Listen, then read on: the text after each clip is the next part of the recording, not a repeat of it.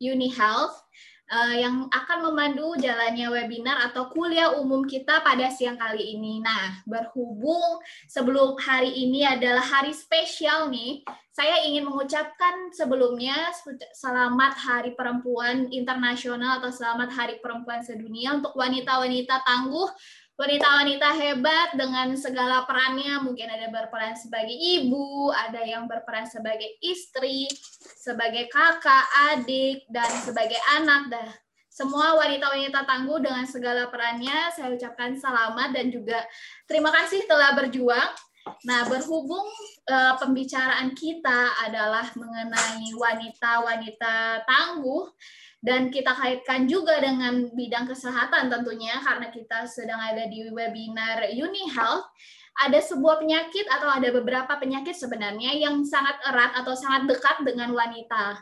Nah, salah satu penyakit tersebut adalah yang kita angkat nih saat ini yang menjadi topik webinar kita pada siang hari ini, yaitu kanker payudara. Betul sekali yang disampaikan oleh Pak Jafar sebelumnya nih, Bapak-bapak dan Ibu-ibu semua bahwa kanker payudara ini ternyata merupakan kanker yang paling banyak atau kanker nomor satu kejadiannya yang paling banyak terjadi di wanita. Kalau saya bacakan sedikit risetnya, saya mau uh, untuk di Indonesia sendiri kanker itu sudah menjangkit sekitar 390 ribuan atau bahkan hampir mencapai 400 ribu di masyarakat Indonesia. Kalau kita agak spesifikasikan sedikit ke kanker payudara, untuk kanker payudara sendiri sudah uh, menjangkit di 16,6 persen baik pria dan maupun wanita di Indonesia. Kalau untuk khusus di wanita sendiri, kanker payudara itu adalah sebuah penyakit yang menjadi uh, penyebab kanker di wanita itu sekitar 30,8 persen atau kalau bisa kita bilang satu per tiga dari kanker yang diderita oleh wanita Indonesia itu ya kanker payudara. Nah, saking uh, banyaknya, saking seriusnya kondisi ini, maka kami dari pihak UniHealth menganggap ini adalah sebuah uh, penyakit atau sebuah bahasan yang perlu nih kita uh, lebih uh, lebih waspadai lagi, lebih kita aware lagi mengenai penyakit yang satu ini. Oleh karena itu, pada siang kali ini saya tidak sendiri tentunya karena uh, webinar kali ini kita telah menghadirkan seorang dokter spesialis yang tentunya expert di bidang beliau dan salah satunya adalah mengenai kanker payudara ini dan beliau juga sudah bersama bersama-sama dengan kita pada siang hari ini ada Dokter Adli. Saya mau sapa dulu sebelumnya. Halo Dokter Adli. Halo. Boleh dibuka. Priska. Oke, Halo. Halo, selamat siang dok. Siang. Oke, apa kabar nih dok? Siang Alhamdulillah ini? sehat. Alhamdulillah sehat. Oke, sebelumnya saya mau perkenalkan dulu nih sedikit mengenai Dokter Adli karena kan kita kalau nggak kenal maka tak sayang gitu ya dok ya. Untuk Dokter Adli sendiri merupakan seorang dokter spesialis, spesialis penyakit dalam lebih tepatnya, dan beliau saat ini sedang aktif berpraktek di Rumah Sakit Jati Sampurna Bekasi. Nah, untuk uh, oleh karena itu saat ini beliau sedang meluangkan waktunya untuk bersama-sama hadir di tengah-tengah kita untuk sharing sedikit mengenai uh, kanker payudara, bagaimana uh, kita mengenali dan mendeteksi sejak dini begitu ya dok ya, dan bagaimana sih uh, mungkin dari awalnya kita akan bahas dulu mengenai apa itu kanker payudara sehingga kita lebih aware, lalu apa penyebabnya, kenapa bisa terjadi kanker payudara itu dan yang terakhir ini adalah tujuan utamanya dari kuliah umum ini, apa solusinya, begitu ya dok ya? Baik, untuk materi sendiri akan saya uh, share screen. Kalau Dokter Adli sudah siap, uh, dapat dilanjutkan ya dok. Oke, okay, baik. Oke.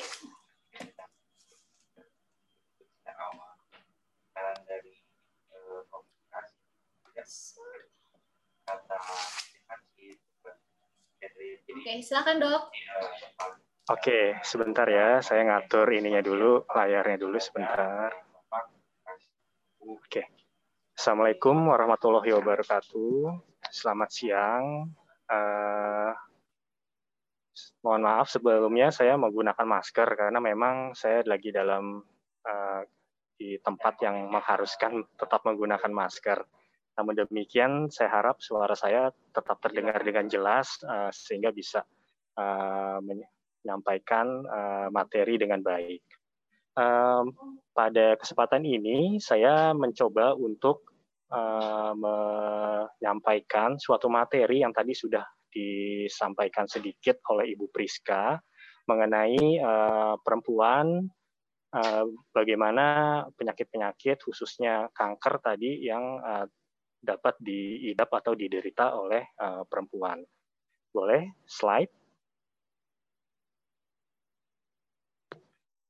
Ya, jadi memang uh, materi hari ini berkaitan dengan uh, Hari uh, Wanita Sedunia yang jatuh pada tanggal 8 Maret. Namun demikian sebetulnya pada tanggal 4 Februari sebenarnya juga ada Hari Kanker Sedunia dan kalau kita uh, satukan uh, sungguh cocok materi yang akan uh, saya coba sampaikan hari ini. Ya, slide. Ya, ini sebuah slide Eh, sebuah mural uh, gambar perempuan ini didapatkan di Hong Kong uh, dan di tahun 2020. Jadi memang tepat di saat pandemi. Dan memang ini adalah tema dari Hari Perempuan Sedunia pada tahun ini. Jadi bagaimana uh, perempuan mendapatkan uh, kesempatan yang setara di masa depan, terutama di dunia uh, yang uh, sekarang terlanda oleh pandemi COVID. Di sini terlihat bahwa kita lihat ada perempuan yang sedang berjalan dengan menggunakan apa membawa tas dan kalau kita lihat itu uh, sedang hamil. Nah, kita lihat di sini memang itulah uh, beban dari uh, perempuan yang mau tidak mau ya memang akan uh, apa ya terbebani perempuan itu dalam kehidupan ini. Slide. Ya, ini sejarah dari uh, Hari uh, Wanita Sedunia. Jadi memang pada awal 1900-an di mana dunia masuk ke era industrialisasi terjadi perubahan status pada perempuan Nah, di sini timbul masalah, terutama masalah ketimpangan gaji dan hak pilih. Ini di Amerika. Sehingga saat itu perempuan mencoba untuk menyuarakan uh, haknya sehingga setara dalam hal tadi gaji dan hak pilih dengan uh, laki-laki, uh, dengan pria. Kemudian pada tanggal 28 Februari ditetapkanlah Hari Perempuan Nasional di Amerika Serikat dan uh, dicanangkan dari konferensi yang diadakan saat itu awalnya Hari Perempuan Sedunia itu tanggal 19 Maret. Kemudian terjadi Perang Dunia ke-1, Perang Dunia Kedua, di mana juga hak-hak perempuan semakin terabaikan. Nah, di sini juga menguatkan solidaritas perempuan terutama di Eropa. Dan pada tanggal 8 Maret akhirnya disetujui bahwa itu adalah Hari Perempuan Sedunia oleh PBB di tahun 1975 yang sampai saat ini tetap dirayakan terus-menerus. Slide. Nah, bagaimana dengan uh, kaitannya dengan kesehatan? Jadi memang kalau kita tadi saya sampaikan bahwa perempuan harus setara dengan pria, begitu juga dalam bidang kesehatan baik itu hak akses, hak mendapatkan pengobatan yang setara antara pria dan wanita. Namun demikian juga kewaspadaan juga harus ditingkatkan sehingga memang perempuan-perempuan di seluruh dunia harus waspada terhadap kondisi kesehatannya, terutama pada kesempatan ini adalah mengenai penyakit kanker. Slide. Kalau lihat eh, data di dunia, memang uh, ini data di dunia tahun 2020 pada uh, jenis kelamin pria dan wanita ini ternyata kanker payudara yang nomor satu. Yang tadinya mungkin kanker paru tapi ternyata ini sudah naik jadi kanker payudara. Kemudian kedua baru kanker paru dan ketiga adalah kanker uh, usus besar. Kalau kita lihat di sini uh, memimpin kanker payudara sebagai kanker yang paling banyak diderita di seluruh dunia slide. Sedangkan ini adalah uh, gabungan kasus lima tahun terakhir uh, dan terlihat memang kanker payudara juga memimpin dibandingkan kanker-kanker yang lain. Ini di dua di dua kelompok ya, baik digabungkan antara pria dan wanita. Slide. Ini adalah kematian, kematian yang diakibatkan oleh kanker. Di sini kita lihat tetap memang kanker paru yang nomor satu, dan payudara itu masuk ke lima besar. Kanker payudara adalah eh, penyebab kematian akibat kanker yang kelima di seluruh dunia. Slide. Nah, kalau tadi itu gabungan antara pria dan wanita, ini kita lihat ke perempuannya saja, ke wanitanya saja. Ternyata hampir 25 persen bahwa eh, perempuan-perempuan yang menderita kanker itu ada, uh, menderita kanker payudara. Dan uh, terlihat di sini cukup banyak uh, jumlahnya dibandingkan kanker-kanker uh, yang lain. Kanker yang lain, yang nomor dua, kanker usus besar, itu hanya di bawah 10 persen, sedangkan kanker payudara hampir 25 persen, hampir seperempat dari total kasusnya. Slide.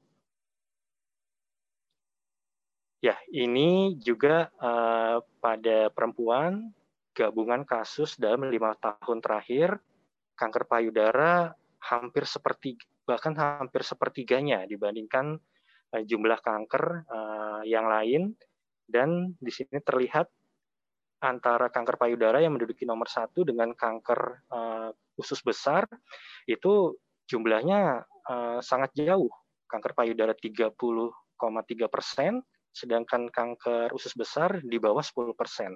Di sini terlihat bahwa jumlah kasusnya cukup besar uh, pada perempuan-perempuan di, uh, di seluruh dunia. Slide. Dan ini adalah uh, prediksi kematian pada tahun 2020 pada wanita yang menderita kanker. Ternyata kanker payudara menduduki nomor satu. Di bawahnya diikuti kanker paru, yang kemudian kanker usus besar.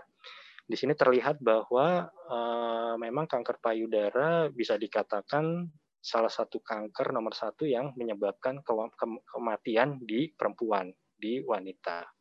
Slide Nah, itu tadi kalau kita lihat dunia, sekarang kita coba melihat lebih dalam, lebih sempit lagi ke benua kita, benua Asia.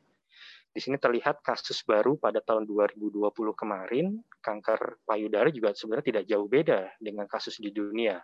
Jadi kasus di Asia hampir uh, seperempat dari kasus uh, semua kanker pada uh, perempuan. Slide. Dan ini juga kalau kita lebih uh, sempit lagi ke Asia Tenggara, di mana Indonesia juga masuk ke dalam regio Asia Tenggara, terlihat di sini bahwa kanker payudara hampir semirip, angkanya 23 persen, hampir seperempat dari jumlah uh, total seluruh kanker pada uh, perempuan. Kemudian bagaimana di Indonesia? Slide. Ini data dari riset kesehatan dasar tahun 2018. Di sini terlihat tren kanker uh, meningkat dibandingkan lima tahun sebelumnya, yaitu pada tahun 2013. Dan meningkat hampir di seluruh provinsi, uh, dan trennya juga kenaikannya cukup uh, tidak bisa dibilang sedikit atau kecil, tapi memang cukup bermakna kenaikannya. Slide. Nah, ini eh, juga memperlihatkan bahwa kanker yang ada di Indonesia itu paling banyak di rentang usia 45 tahun sampai 64 tahun. Di sini kalau kita lihat bahwa usia-usia produktif saat ini eh, juga menderita kanker dan yang menjadi masalah nantinya untuk aktivitas sehari-hari karena pada usia-usia produktif di mana tuntutan uh, aktivitas, tuntutan pekerjaan tinggi, namun demikian dia terhambat oleh penyakit kanker. Dan ini juga suatu masalah yang cukup uh, bermakna yang harus uh, dicarikan solusinya. Dan kalau kita lihat bahwa uh, perempuan lebih tinggi datanya dibandingkan laki-laki, kemudian juga di perkotaan itu mendominasi kasusnya dibandingkan di pedesaan. Slide. Nah, ini data dari Indonesia, jenis kang jumlah pasien uh, yang menderita kanker payudara antara uh, perempuan dan laki-laki, jadi digabungkan itu ternyata memang kanker payudara nomor satu sampai 16,6 persen, diikuti kanker uh, leher rahim, yang ini juga diderita oleh perempuan, yang kemudian juga baru kanker paru. Slide. Ya, kalau ini di kelompok perempuan saja tidak diikutkan laki-lakinya terlihat lebih dari uh, seperempat uh, kasus itu pasien-pasien uh, uh, kanker di Indonesia itu menderita kanker payudara. Slide. Nah, ini kalau kita lihat yang di garis merah itu bahwa memang kanker payudara itu menduduki nomor satu sebagai jumlah kasus terbanyak. Kemudian untuk angka kematiannya itu menduduki nomor dua di bawah kanker paru. Namun kalau kita lihat uh, uh, sampai 16,6 persen ini artinya jumlah kasus ini kasus baru ya, kasus baru artinya kasus yang baru didiagnosis itu cukup tinggi. Kalau ditambahkan kasus yang sudah didiagnostik, eh, angkanya akan lebih tinggi dari yang tercantum pada slide ini. Slide. Nah, sebetulnya eh, apa itu eh, kanker payudara? Jadi memang kanker payudara adalah jenis penyakit kanker yang muncul dari jaringan atau bagian payudara. Nah, kanker ini bermula dari pertumbuhan sel yang tidak terkontrol yang kemudian sel kanker tersebut dapat menyebar ke seluruh tubuh, ke seluruh organ tubuh, ke seluruh bagian tubuh. Jadi kanker ini bisa dikatakan tumor ganas, yaitu tumor yang dapat menyebar ke seluruh tubuh. Kalau tumor jinak, biasanya dia tidak melakukan tumor tersebut tidak melakukan penyebaran ke tempat lain, jadi hanya di tempat itu saja. Tapi kalau tumor ganas atau kanker, dia punya kemampuan untuk Eh, bermetastasis, artinya dapat menyebar ke seluruh tubuh. Ini yang berbahaya. Slide. Nah, sebetulnya apa penyebab kanker payudara? Jadi memang penyebab kanker secara keseluruhan ini banyak faktor. Kita tidak bisa menyalahkan salah satu faktor saja, tetapi banyak faktor yang berperan. Dan penyakit ini adalah penyakit yang cukup kompleks. Artinya kompleks Eh, kondisi-kondisi uh, di tubuh kita atau organ-organ di tubuh kita itu saling berkaitan, uh, berinteraksi yang bisa menyebabkan timbulnya kanker tadi. Dan juga ada faktor-faktor yang di luar tubuh kita yang berperan juga menyebabkan terjadinya uh, kanker tersebut. Nah, faktor-faktor apa saja yang bisa kita identifikasi yang dapat menyebabkan kanker payudara? Ya, slide berikutnya. Nah, ini dia. Jadi kalau tadi saya katakan bahwa penyebab kanker adalah multifaktor, jadi banyak faktor, dan ternyata dari penelitian-penelitian yang sudah dilakukan, itu ternyata faktornya banyak sekali. Dan yang paling menarik adalah ternyata genetik itu cukup bermakna angkanya, 5-10 persen itu ternyata disebabkan oleh genetik. Kemudian di luar itu adalah faktor-faktor di luar tubuh, seperti misalnya usia, jadi usia yang lebih lanjut itu mudah uh, atau resikonya lebih tinggi terkena kanker. Kemudian ada juga uh, makanan atau minuman yang diminum seperti alkohol itu menyebabkan juga kanker payudara, rokok salah satunya.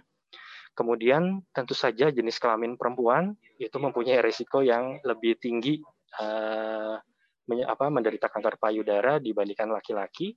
Tapi apakah laki-laki bisa menderita kanker payudara? Nanti kita jelaskan di slide berikutnya ya. Nah, kemudian juga kita lihat bahwa kegemukan juga salah satu faktor yang menyebabkan uh, seseorang mudah sekali atau mempunyai risiko yang tinggi terkena kanker payudara. Nah, kemudian usia menopause yang lebih tua, jadi yang menopausnya lebih lambat, itu biasanya lebih uh, mempunyai risiko yang tinggi terhadap timbulnya kanker payudara. Kemudian juga orang yang mengalami menstruasi di usia-usia yang lebih muda, itu kadang-kadang juga mempunyai risiko uh, timbul kanker payudara di kemudian hari. Kemudian pada wanita-wanita yang tidak hamil, atau yang hamil pertama di usia 30 tahun itu ternyata juga cukup mempengaruhi uh, faktor resiko tadi dan juga wanita yang tidak menyusui atau menyusui bayi dalam durasi yang singkat itu ternyata juga uh, berpengaruh terhadap timbulnya kanker payudara. Dan yang paling penting jangan lupa adalah stres. Jadi stres psikis, pikiran, itu juga bisa menyebabkan adanya kaitan uh, antara tadi kondisi stres tadi dengan timbulnya resiko kanker payudara di kemudian hari walaupun tidak cepat tapi dia butuh waktu. Tapi itu ada hubungannya. Seperti itu. Slide.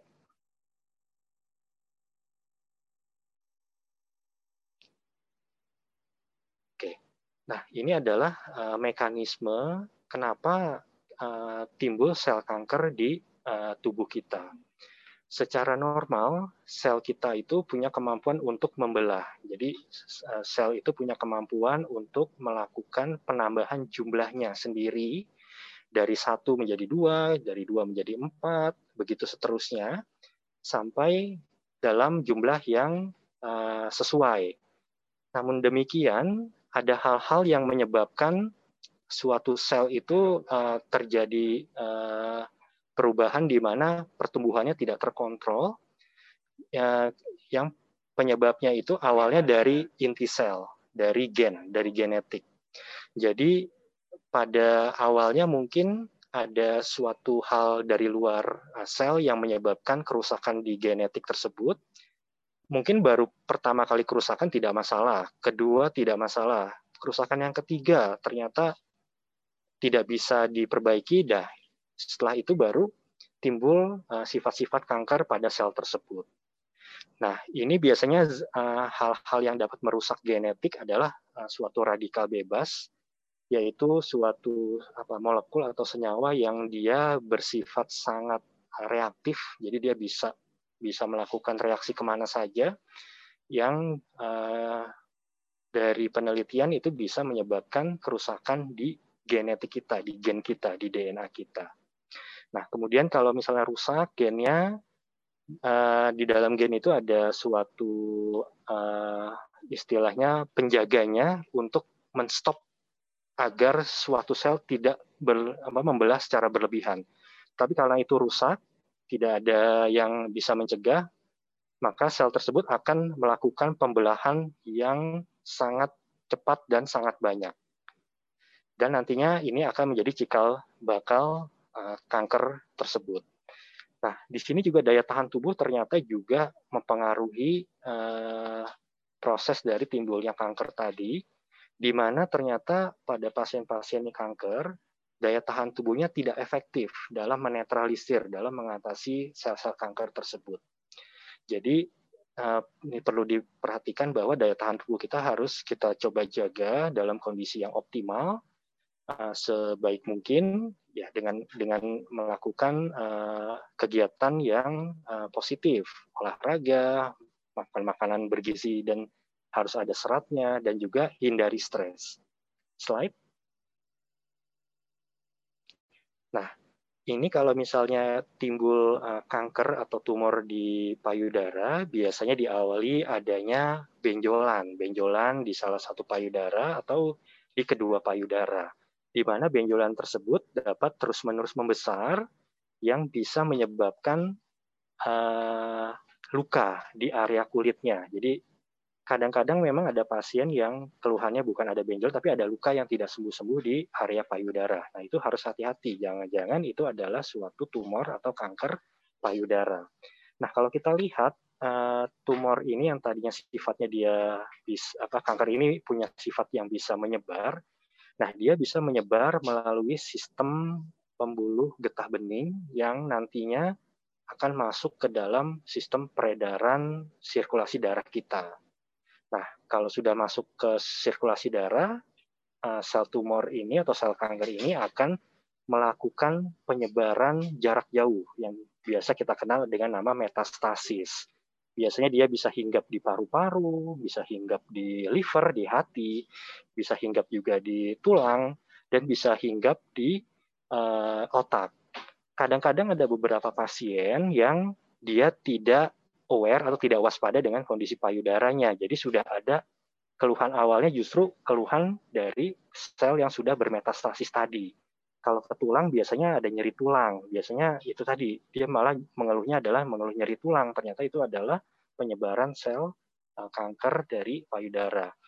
Atau uh, nafasnya jadi sesak, jadi tidak lega. Nah, bisa juga seperti itu.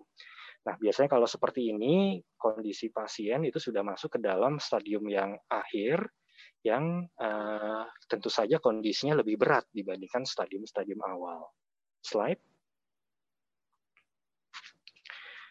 Nah, untuk itu memang perlu ditekankan untuk melakukan deteksi dini. Artinya kita harus sedini mungkin mengetahui kondisi apakah kalau memang ada kanker bisa di, diketahui dalam stadium yang awal karena pengobatannya akan lebih mudah dan uh, kemungkinan kesembuhannya juga lebih tinggi dibandingkan dengan uh, kanker stadium yang sudah lanjut. Nah, apa saja deteksi dininya? Yang pertama adalah melakukan uh, pemeriksaan payudara sendiri. Ini namanya sadari. Ini bisa dilakukan uh, secara uh, apa sendiri ya uh, di rumah dan sebetulnya sudah banyak langkah-langkahnya apa yang harus dilakukan. Intinya adalah mencari apakah ada benjolan atau ada adakah eh, kondisi-kondisi uh, yang tidak normal di area uh, payudara. Dan ini bagusnya memang sudah mulai dilakukan sejak usia 20 tahun. Nah, kemudian juga bisa juga ada pemeriksaan uh, lain yang bisa dilakukan untuk melakukan deteksi dini. Yang ya. pertama adalah mamografi, yaitu pemeriksaan dengan oh, menggunakan uh, sinar X untuk melihat kondisi atau jaringan kanker payu uh, kanker payu jaringan payudara mulai usia 40 tahun. Kadang-kadang juga dilakukan USG untuk untuk menambahkan sensitivitas dalam melakukan deteksi tadi. Nah, memang untuk pemeriksaan mamografi dan USG ini perlu juga dilakukan pemeriksaan uh, di oleh dokter juga pemeriksaan tambahan oleh dokter sehingga sensitivitas uh, deteksinya uh, meningkat. Slide. Nah, ini bagaimana uh, gejalanya? Tadi sudah sedikit saya sampaikan gejala-gejala kanker payudara. Jadi di sini yang pertama biasanya adanya benjolan, uh, yang tidak nyeri justru benjolannya di kanker apa di payudara kanan dan uh, payudara atau di payudara kirinya. Kemudian juga biasanya ada perubahan uh, tekstur kulit, jadi kulitnya menjadi biasanya itu menjadi seperti kulit jeruk. Jadi kulitnya itu kasar di area payudara. Nah itu hati-hati, jangan-jangan itu adalah gejala-gejala uh, tumor atau kanker payudara. Kemudian tadi ada luka yang tidak sembuh-sembuh. Nah, ini juga hati-hati, jangan-jangan itu adalah suatu tumor atau suatu kanker. Dan kadang-kadang juga ada keluar cairan yang bukan cairan ASI dari puting payudara. Yang paling bahaya jika cairannya itu berwarna kemerahan. Nah, itu berarti hati-hati. Jangan-jangan itu memang suatu gejala juga nih ke arah kanker atau ke arah tumor tadi. Nah, gejala-gejala ini tentu saja akan lebih sensitif kita temui kalau kita melakukan pemeriksaan sendiri tadi, yaitu dengan melakukan pemeriksaan uh, sadari secara berkala. Seperti itu. Slide. Nah, ini tadi uh, sempat saya kemukakan apakah kanker payudara juga bisa terkena pada laki-laki dari penelitian-penelitian yang ada ternyata memang bisa. Jadi laki-laki juga bisa terkena kanker payudara. Namun demikian eh, jumlahnya itu sangat kecil. Kalau kita lihat eh, penelitian di Amerika Serikat itu eh, pada laki-laki kurang lebih seper 100 dibandingkan kasus pada uh, perempuan. Jadi laki-laki itu resiko kanker payudara itu lebih sedikit dibandingkan dengan perempuan. Begitu juga dengan daya bunuhnya. Pada laki-laki biasanya uh, resiko kematiannya lebih kecil dibandingkan uh, pada perempuan. Namun demikian bukan berarti ini penyakit yang ringan atau penyakit yang enteng pada laki-laki tetap saja ini adalah suatu kanker yang memerlukan penanganan yang uh, ber, apa yang kompleks dan menyeluruh. Slide. Nah, sebetulnya apa yang terjadi pada seseorang yang mengalami kanker payudara? Yang pertama, dia akan mengalami suatu gejala yang tidak nyaman di tubuhnya. Biasanya yang paling sering tadi adanya luka, luka yang uh, tidak sembuh-sembuh, kadang-kadang juga bisa timbul nyeri di luka tersebut. Kemudian tentu saja uh, dia uh, akan mempengaruhi uh, apa ya pikiran, perasaan yang kadang-kadang bisa juga jatuh ke dalam cemas dan uh, depresi. Dan yang perlu ditekankan lagi kalau gejala-gejalanya itu atau dampaknya itu sudah uh, menyebar di luar payudara, tadi di paru-paru sudah bisa timbul sesak, di tulang nyeri, di hati atau liver bisa bikin uh, pasien menjadi kuning, kemudian otak di otak bisa ada penurunan kesadaran dan ada kadang-kadang pembengkakan di kelenjar getah bening. Slide. Nah, apa sebenarnya upaya kesehatan yang bisa kita lakukan uh, dalam kanker payudara ini? Ya, memang usaha kesehatan secara umum ada lima. Yang pertama adalah promotif. Promotif itu artinya kita uh, mengajak atau melakukan uh, kegiatan-kegiatan yang meningkatkan kesehatan kita, meningkatkan uh, daya tahan tubuh kita. Kemudian yang kedua adalah preventif, yaitu pencegahan. Jadi kita berusaha sedini, sebisa mungkin mencegah terjadinya kanker payudara di diri kita. Kemudian kuratif, yaitu pengobatan. Di sini sudah masuk ke pengobatan untuk mengatasi penyakit kanker payudara tadi. Kemudian rehabilitatif. Ini adalah uh, upaya kesehatan untuk mengembalikan fungsi seseorang yang tadi terkena penyakit yang berat agar fungsinya sebisa mungkin mendekati normal, sebisa mungkin dia bisa melakukan aktivitas yang normal, walaupun mungkin tidak 100%. Kemudian jangan lupa di sini juga ada upaya kesehatan yang namanya paliatif yaitu usaha kesehatan di mana pada pasien-pasien dengan penyakit kronis, kadang-kadang eh, karena penyakitnya sudah terlalu berat, pada kanker sudah masuk ke stadium 4, stadium lanjut, di mana kita tidak bisa lagi uh, membicarakan tujuan pengobatan untuk kesembuhan, nah itu masuk ke paliatif. Tujuannya adalah untuk mencoba meningkatkan kualitas hidup pasien dengan cara mengurangi gejala-gejala yang ada. Jadi sebisa mungkin kita mengurangi penderitaan pasien dengan mengurangi gejalanya, baik itu gejala fisik ataupun gejala pikiran, gejala psikis. Nah, itu yang akan eh, apa dicoba dilakukan pada pasien-pasien yang uh, menderita kanker payudara. Slide. Ya, nah untuk pencegahan kanker payudara itu apa? Nah, ini salah satu atau beberapa cara pencegahannya. Tadi kalau kita lihat adanya resiko kanker payudara itu berkaitan dengan gen, dan di sini sebenarnya bisa kita cegah uh, dengan melakukan tes mutasi gen BRCA.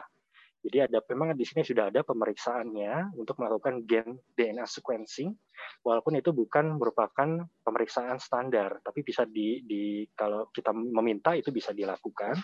Ini biasanya dilakukan pada perempuan-perempuan yang mempunyai uh, riwayat di keluarga uh, yang menderita kanker payudara. Itu bisa dicek, di tes mutasi gen BRCA-nya, apakah sudah ada mutasi atau belum. Kemudian juga tentu saja ada hal-hal yang harus dilakukan juga, tidak harus dengan tes tadi. Nah ini uh, yaitu cek tadi pemeriksaan secara berkala, kemudian melakukan uh, diet yang cukup baik, diet seimbang, dan jangan lupa apa buah-buahan, sayur-sayuran itu juga harus dikonsumsi. Kemudian istirahat cukup dan kelola stres seperti itu. Nah, kalau kita balik lagi ke tes mutasi gen, kalau misalnya seseorang itu ternyata sudah ada mutasi di gen BRCA-nya, ini biasanya nanti akan dilakukan uh, tindakan lebih lanjut, yaitu pengangkatan uh, payudaranya dan ditambah juga pengangkatan indung telur. Nah, tujuannya untuk tadi mencegah supaya uh, tidak terjadi kanker payudara pada orang tersebut. Dan tentu saja ini juga ada risikonya uh, dengan mengangkat indung telur. Uh, itu resikonya dia di, di orang ini dibuat menopause lebih awal. Nah, kalau menopause itu juga ada ada hal-hal yang juga harus kita pertimbangkan karena ada kondisi yang membuat tidak nyaman saat menopause tadi seperti itu. Dan tadi perlu diketahui bahwa tes ini bukan tes standar. Jadi ini adalah tes yang memang harus ada tadi faktor resiko di keluarga, di keluarga uh, yang sedarah yang mengalami uh, kanker payudara. Baru tes ini bisa uh, dilakukan seperti itu. Slide. Ini kita masuk ke tata laksananya apa. Jadi pada pasien kanker payudara jika sudah didiagnostik, mohon maaf ini slide-nya masih dalam bahasa Inggris, tetapi di sini ingin menunjukkan bahwa uh, screening tadi deteksi dini itu cukup penting dan jika diagnostik sudah tegak, maka akan dilihat stadiumnya. Apakah memang pasien ini masuk ke stadium awal atau stadium lanjut. Makin awal stadiumnya, makin uh, mudah ditangani dan kemungkinan sembuhnya lebih besar dibandingkan sudah masuk ke stadium akhir. Kalau stadiumnya sudah akhir sekali, di sini kita tidak membicarakan untuk penyembuhan, tetapi masuk ke dalam perawatan paliatif. Nah, apa itu paliatif? Ya mungkin nanti bisa dibuat sesi tersendiri apa itu paliatif. Kemudian juga di sini paliatif masuk juga sampai ke area di mana mempersiapkan uh, kematian bagi pasien dan keluarganya. Dan tentu saja setelah kematian juga tetap akan didampingi keluarganya sampai uh, kondisi keluarganya itu sudah bisa mengikhlaskan atau merelakan pasien yang meninggal tadi. Seperti itu. Slide. Nah, ini terapinya. Jadi terapi kanker payudara yang pertama adalah pembedahan, yang pembedahan ini biasanya angkanya keberhasilan lebih tinggi pada stadium-stadium awal. Kemudian juga bisa dilakukan eh, terapi-terapi hormon pada jenis-jenis kanker payudara tertentu.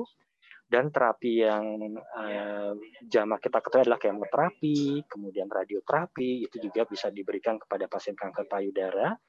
Dan ada pengobatan yang memang sedang dikembangkan, pengobatan baru, yaitu terapi target. Di mana terapi ini khusus memang dia mencoba untuk bekerja tepat di sasarannya seperti itu. Namun demikian memang perlu pemeriksaan yang lebih detail lagi karena nanti harus uh, dilakukan pemeriksaan untuk memilih uh, jenis agen atau obat apa yang cocok diberikan pada terapi target ini. Slide. Nah, ini kemoterapi. Jadi kemoterapi salah satu pengobatan kanker di mana tujuannya untuk membunuh sel kanker Kemoterapi ini adalah obat yang diberikan dari darah, dari infus, di mana nanti obatnya akan menyebar ke seluruh tubuh. Jadi obat juga akan bereaksi dengan sel-sel tubuh yang lain, walaupun dia lebih uh, apa lebih besar uh, reaksinya kepada sel kanker yang ada di dalam tubuh. Nah, karena dia sifatnya menyebar ke seluruh tubuh, kemungkinan akan ada beberapa efek samping yang akan terjadi saat melakukan kemoterapi. Slide. Nah, ini dia efek samping dari kemoterapi. Yang paling sering adalah rambut rontok dan uh, eh, HB-nya turun, drop. Kenapa demikian? Karena kemoterapi ini sebenarnya dia menyerang sel-sel yang aktif membelah. Seperti kita ketahui bahwa sel kanker itu sel yang aktif membelah, dia lebih mudah diserang, namun demikian, ada sel-sel normal yang uh, akan terkena kemoterapi ini karena dia sering membelah yaitu rambut dan darah. Nah, jadi biasanya habis kemoterapi rambutnya akan rontok, HB-nya kemungkinan akan turun. Namun demikian ada efek-efek samping lain seperti mual, muntah yang kadang juga bisa di, uh, diderita oleh pasien yang menjalani kemoterapi. Slide. Nah, ini adalah Eh, salah satu juga eh, pengobatan dari kanker yaitu terapi radiasi atau radioterapi. Ini adalah menggunakan sinar radioaktif untuk membunuh sel kanker tadi. Eh, terapi ini bertujuan tadi menghancurkan jaringan kanker dan biasanya dia hanya dilakukan pada area kanker tersebut. Jadi kalau pada payudara berarti di area payudara saja yang disinar. Jadi dia tidak menyebar ke area-area lain. Namun demikian area-area sekitar kemungkinan juga akan uh, terkena dampaknya. Biasanya kalau uh, payudara, kulit, kulit di daerah dada biasanya dia akan terkena dampaknya. Slide. Nah, ini efek efek samping Uh, sama ada mual muntah, kemudian tadi kulitnya karena tadi dia terkena sinar radioaktif biasanya akan berubah menjadi menghitam. Kemudian pada daerah payudara kadang-kadang akan ter, teraba lebih keras, lebih kencang akibat uh, efek dari sinar uh, radioterapinya. Slide. Nah, sebetulnya uh, bagaimana sih uh, kalau kita tadi sudah mendengar mengenai kemoterapi radia apa dan radioterapi, apakah memang ada uh, alternatif atau mungkin ada usaha-usaha lain yang bisa membantu uh, dalam pengobatan standar tadi, pengobatan kemoterapi dan radioterapi. Jadi kalau kita lihat kembali ke mekanisme sel kanker bahwa penyebabnya adalah radikal bebas dan produk beracun yang nantinya ini merupakan proses awal terbentuknya kanker. Uh, nah, untuk melawan kanker ini ya kita harus sebisa mungkin mencegah uh, dari radikal bebas dan produk beracun tersebut. Nah, senyawa-senyawa di alam ini sebetulnya banyak yang berpotensi, artinya punya punya kandungan potensi untuk melawan radikal bebas tersebut, yaitu salah satunya yang mempunyai efek antioksidan. Memang yang diteliti saat ini uh, kurkumin dan astaxanthin. Nah, sebenarnya bagaimana sih mekanismenya? Ya, ini dia mekanismenya. Jadi kurkuminoid itu adalah suatu senyawa dari uh, tumbuhan, terutama dari uh, kunyit dan temulawak, yang ternyata punya efek atau punya potensi, punya potensi sebagai antioksidan. Nah, pada penelitian-penelitian ternyata juga uh, hasilnya cukup positif, terutama dalam penyakit-penyakit uh, yang berhubungan tadi dengan keganasan, dengan kanker tadi. Slide. Nah, ini jadi manfaatnya ini sebagai tadi antioksidan, antioksidan, antioksidan ini berguna tadi untuk kalau dari penelitian uh, di laboratorium dia bisa untuk melawan tadi radikal bebas. Kemudian juga berfungsi sebagai detoksifikasi racun. Tentu saja kalau dalam kanker ini adalah karsinogen namanya. Kemudian ada antiinflamasi, jadi anti anti peradangan, bisa juga sebagai anti muntah. Dan ternyata penelitian terakhir bisa menghambat pertumbuhan kanker, bahkan dia bisa menghambat penyebaran kanker tersebut. Slide.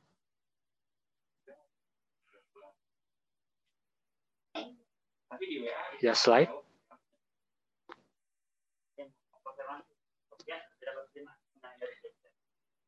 Oke, ini adalah penelitian yang sebenarnya bukan penelitian, ini adalah jurnal yang dia mengumpulkan berbagai macam jurnal. Slide yang berikutnya untuk dinilai apakah kurkumin tersebut bisa slide yang sebelumnya, slide yang sebelumnya.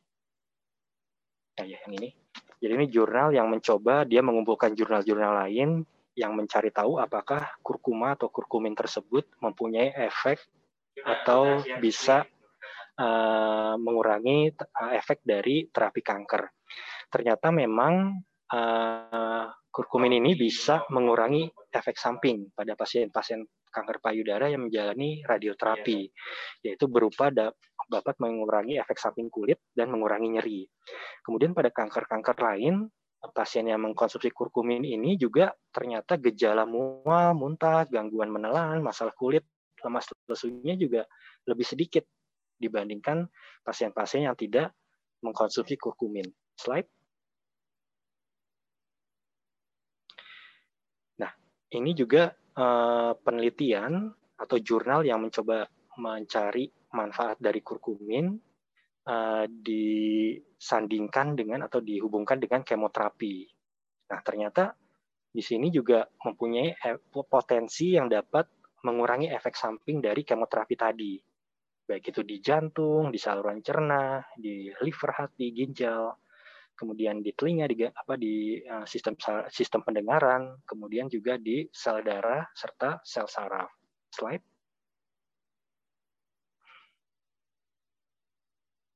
Boleh slide. Nah, sebetulnya mekanismenya seperti apa? Jadi mekanismenya tadi karena dia punya efek uh, antiinflamasi, jadi menghambat peradangan. Slide yang sebelumnya jadi dia bisa menghambat peradangan, kemudian tadi efek antioksidan yang bisa melawan uh, kondisi-kondisi uh, tercetusnya radikal bebas. Kemudian dia berperan dalam pertumbuhan metabolisme pertumbuhan kanker di mana dia dapat ternyata dapat mempengaruhi pertumbuhan kanker tersebut. Dan melalui uh, metabolisme atau melalui jalur-jalur enzim, protein dan molekul-molekul lain ternyata juga mempunyai peran dalam proses kematian sel kanker. Jadi memang kalau kita lihat uh, senyawa ini mempunyai potensi yang tentu saja potensi ini potensi yang positif. Slide. Nah, kemudian uh, antioksidan yang lain yaitu astaxanthin. Jadi ini adalah suatu karetonit atau pigmen alami yang menyebabkan tanaman atau hewan berwarna kemerahan. Pigmen ini terdapat di beberapa jenis alga, salmon, udang, dan lobster. Nah, namun demikian uh, ternyata tidak semua jenis-jenis uh, makhluk hidup tadi menghasilkan asta, astaxanthin yang baik. Hanya di daerah-daerah tertentu saja ternyata yang yang mempunyai kandungan astaxanthin yang baik. Slide. Nah, ini suatu jurnal juga yang mencoba untuk melihat uh, efek dari astaxanthin terhadap uh, kanker payudara. Di sini ternyata, walaupun ini memang penelitiannya secara in vitro, artinya ini baru penelitian dalam tahap di laboratorium, jadi bukan di dalam tubuh manusia. Namun demikian bukan berarti ini penelitian yang jelek, tapi ini justru penelitian yang baik, karena ini ada suatu awal penelitian yang nantinya harus dilanjutkan penelitiannya secara in vivo namanya di dalam tubuh manusia. Nah, secara in vitro ini ternyata uh, astaxanthin ini dapat menghambat penyebaran sel kanker payudara. Kemudian juga dapat mengurangi jumlah sel kanker melalui mekanisme mematikan sel kanker tersebut. Jadi ini juga suatu efek yang cukup baik, yang positif terhadap sel kanker khususnya eh, kanker payudara. Slide. Nah ini juga uh, beberapa penelitian astaxanthin pada kanker-kanker yang lain. Uh, kita lihat tidak hanya kanker payudara, tetapi kanker-kanker yang lain juga sudah mencoba diteliti bahkan di penelitian di kanker kandung apa kandung kencing atau ya kanker mulut sorry kanker mulut itu secara in vivo. Jadi sudah diteliti di uh, manusia. Slide. Nah ini untuk dosisnya. Biasanya memang dosis penelitian yang sudah dilakukan itu kurang dari 6 gram dan saya pikir kalau dosis sehari-hari justru lebih rendah dari itu. Bisa kita kita minum uh, dengan maksimal dosisnya itu 8 gram per hari untuk kurkumin. Untuk astaxanthin dosis yang direkomendasikan adalah 4 sampai 12 mg per hari. Jadi memang uh, untuk dosis ini ter, uh, sebetulnya tidak terlalu ketat karena ini bukan bukan suatu obat. Jadi ini adalah uh, kita bilangnya uh, pendukung terapi. Jadi artinya uh, bervariasi dosisnya asal tidak melebihi dosis maksimal. Slide. Nah, sedangkan ini adalah dosis uh, kurkumin yang diberikan pada pasien kanker payudara ini sekitar 6 gram per hari. Bahkan pada penelitian-penelitian di kanker yang lain bisa sampai 8 gram. Namun demikian perlu diperhatikan bahwa ini dalam penelitian, artinya tidak ada ada jangka waktunya, ada batas waktunya. Seperti itu. Uh, biasanya kalau di sehari-hari kita minumnya uh, dengan dosis yang lebih rendah dari ini, karena ini adalah dosis uh, dosis penelitian. Slide. Ya, uh, saya pikir uh, saya rasa cukup uh, sekian apa yang bisa saya sampaikan. Mudah-mudahan bermanfaat bagi Bapak Ibu sekalian yang benar datangnya dari yang di atas, dari Tuhan yang Maha Kuasa. Yang salah, saya mohon maaf. Semoga ini bisa diterapkan dalam kehidupan kita uh, sehari-hari. Terima kasih. Assalamualaikum warahmatullahi wabarakatuh. Waalaikumsalam warahmatullahi wabarakatuh. Terima kasih Dokter Adli sudah sharing dengan kita mengenai kanker payudara dari A sampai Z ya dok ya. Mulai dari apa itu kanker payudara sampai dokter Adli sudah merekomendasikan nih bapak-bapak dan ibu-ibu bagaimana solusinya, bagaimana terapi yang bisa dilaksanakan, apa saja alternatif pilihan terapinya begitu. Nah, dari yang tadi sudah panjang sekali disampaikan oleh dokter Adli ada beberapa yang uh, saya petik atau saya garis bawahi adalah untuk kanker payudara ini ternyata upaya dari kita itu uh, mulai dari bahkan sebelum adanya kanker sampai setelahnya. Maksudnya adalah bahwa dari pertama harus ada promotif, ada harus ada peningkatan pola hidup yang sehat terlebih dahulu. Lalu yang kedua, tentunya untuk pencegahan sebelum kita terkena ada baiknya nih bapak-bapak dan ibu-ibu untuk kita sudah melakukan suatu uh, pencegahan karena yang sama-sama kita ketahui bahwa pencegahan itu lebih baik ya daripada mengobati.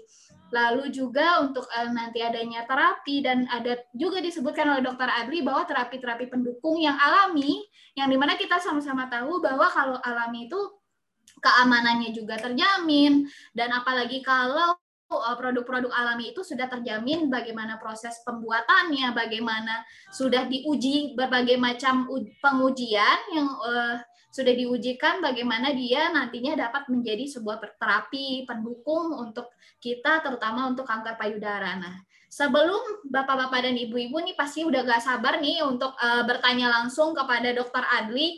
Banyak sekali nih sepertinya uh, tadi saya juga lihat sudah di chat sudah banyak sekali Cuma saya ingin share sedikit nih Bapak-bapak dan Ibu-ibu dan juga izin nih ke Dokter Adli mohon maaf uh, untuk sebentar saya ingin uh, share sedikit produk Uni Health nih yang kebetulan kabar baiknya itu adalah uh, merupakan salah satu produk yang ada kandungan yang disebutkan oleh Dokter Adli tadi. Nah, apa itu?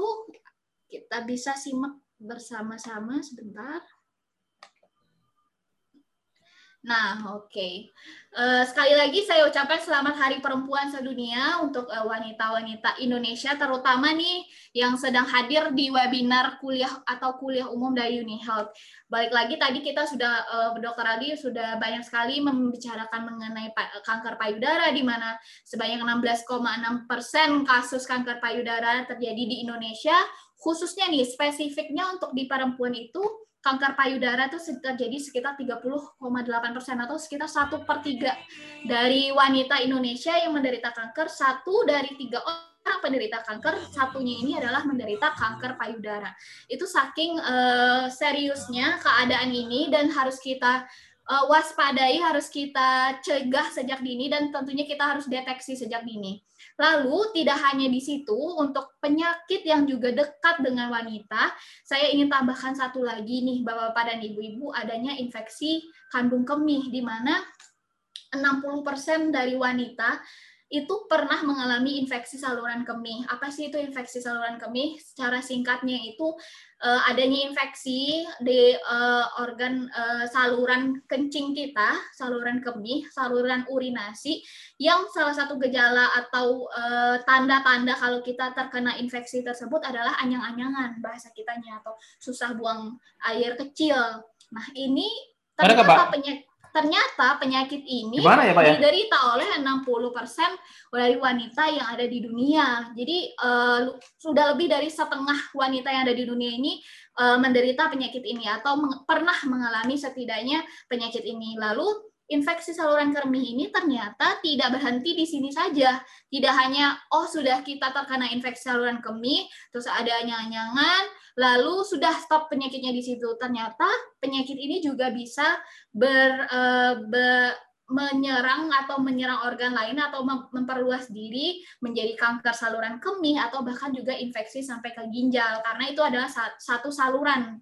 Lalu yang uh, ketiga faktanya adalah infeksi saluran kemih ini ternyata uh, lebih banyak diderita oleh wanita. Kenapa begitu?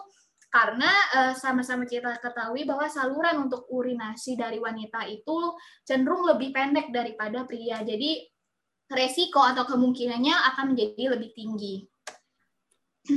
untuk kanker sendiri atau kanker payudara atau kanker-kanker lainnya itu uh, satu dari tiga orang yang menjalani terapi kanker ini baru memiliki keluhan sakit. Maksudnya di sini adalah Mungkin ada uh, beberapa penderita kanker ini bahkan sampai mereka sudah mengidap stadium stadium uh, kesekian belum merasakan sakit, namun mereka sudah terdiagnosis atau mereka sudah mengalami kanker, tapi tidak ada rasa sakit. Nah, salah satu uh, yang ditakutkan juga oleh para penderita kanker ini dalam men, uh, menterapi diri adalah karena adanya efek samping tadinya. Bisa karena kemoterapi atau radioterapi yang tadi sudah disampaikan dokter Adli. Ada nih efek-efek sampingan ada efek sakit mual dan lain-lainnya yang juga membuat uh, berpikir dua kali lagi. Jadi lebih me, menjadikan kanker itu lebih uh, uh, tidak tidak bisa ditangani secara cepat karena ada ketakutan yang seperti itu. Nah, untuk mengenai kanker sendiri dari Kementerian Kesehatan Republik Indonesia atau Kemenkes ini ada nih program atau jargonnya yaitu cerdik. Yang pertama adalah cek kesehatan secara berkala. Jadi eh, bapak-bapak dan ibu-ibu disarankan nih untuk rutin eh, cek ke dokternya untuk screening ya uh, kalau dari um, salah satu anjurannya adalah satu kali selama tiga tahun itu bisa dilakukan screening terkait kanker. Lalu yang kedua ada enyakan asap rokok karena yang sama-sama kita ketahui bahwa asap rokok ini adalah salah satu pemicu dari terjadinya kanker. Bahkan sebenarnya bukan orang yang uh, perokok aktif saja nih yang terkena yang memiliki resiko untuk terkena kanker, tetapi juga orang-orang sekitarnya yang terkena asap rokok tersebut. Lalu yang ketiga adalah rajin aktivitas fisik. Jadi uh, mungkin bisa diluangkan waktu di make time buat 30 menit mungkin sehari agar metabolisme dan detoksifikasi atau pengeluaran racun-racun di tubuh kita itu juga bisa terbantu, bisa lebih lancar. Lalu yang keempat adalah D dari cerdik tadi D diet sehat dengan kalori yang seimbang. Jadi atur pola makanannya agar sehat, agar bisa mendukung agar tubuh lebih uh, memelihara kesehatan tubuh.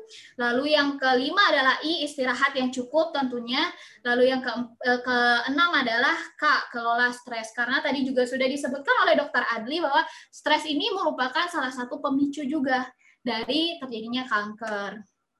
Nah, dari Unihealth sendiri, kita ada nih bapak-bapak dan ibu-ibu produk yang memang kita khususkan untuk para penderita kanker, para pejuang kanker yaitu Care for Cancer produk. Di mana di dalamnya kita ada uh, mengandung magozai dan kur kompleks dan uh, untuk webinar kali ini saya akan fokuskan nih untuk membahas mengenai kur kompleks 95 tadi uh, kur kompleks 95 sendiri ini mengandung kurkuminoid kompleks BCM 95 sebanyak 900 mg.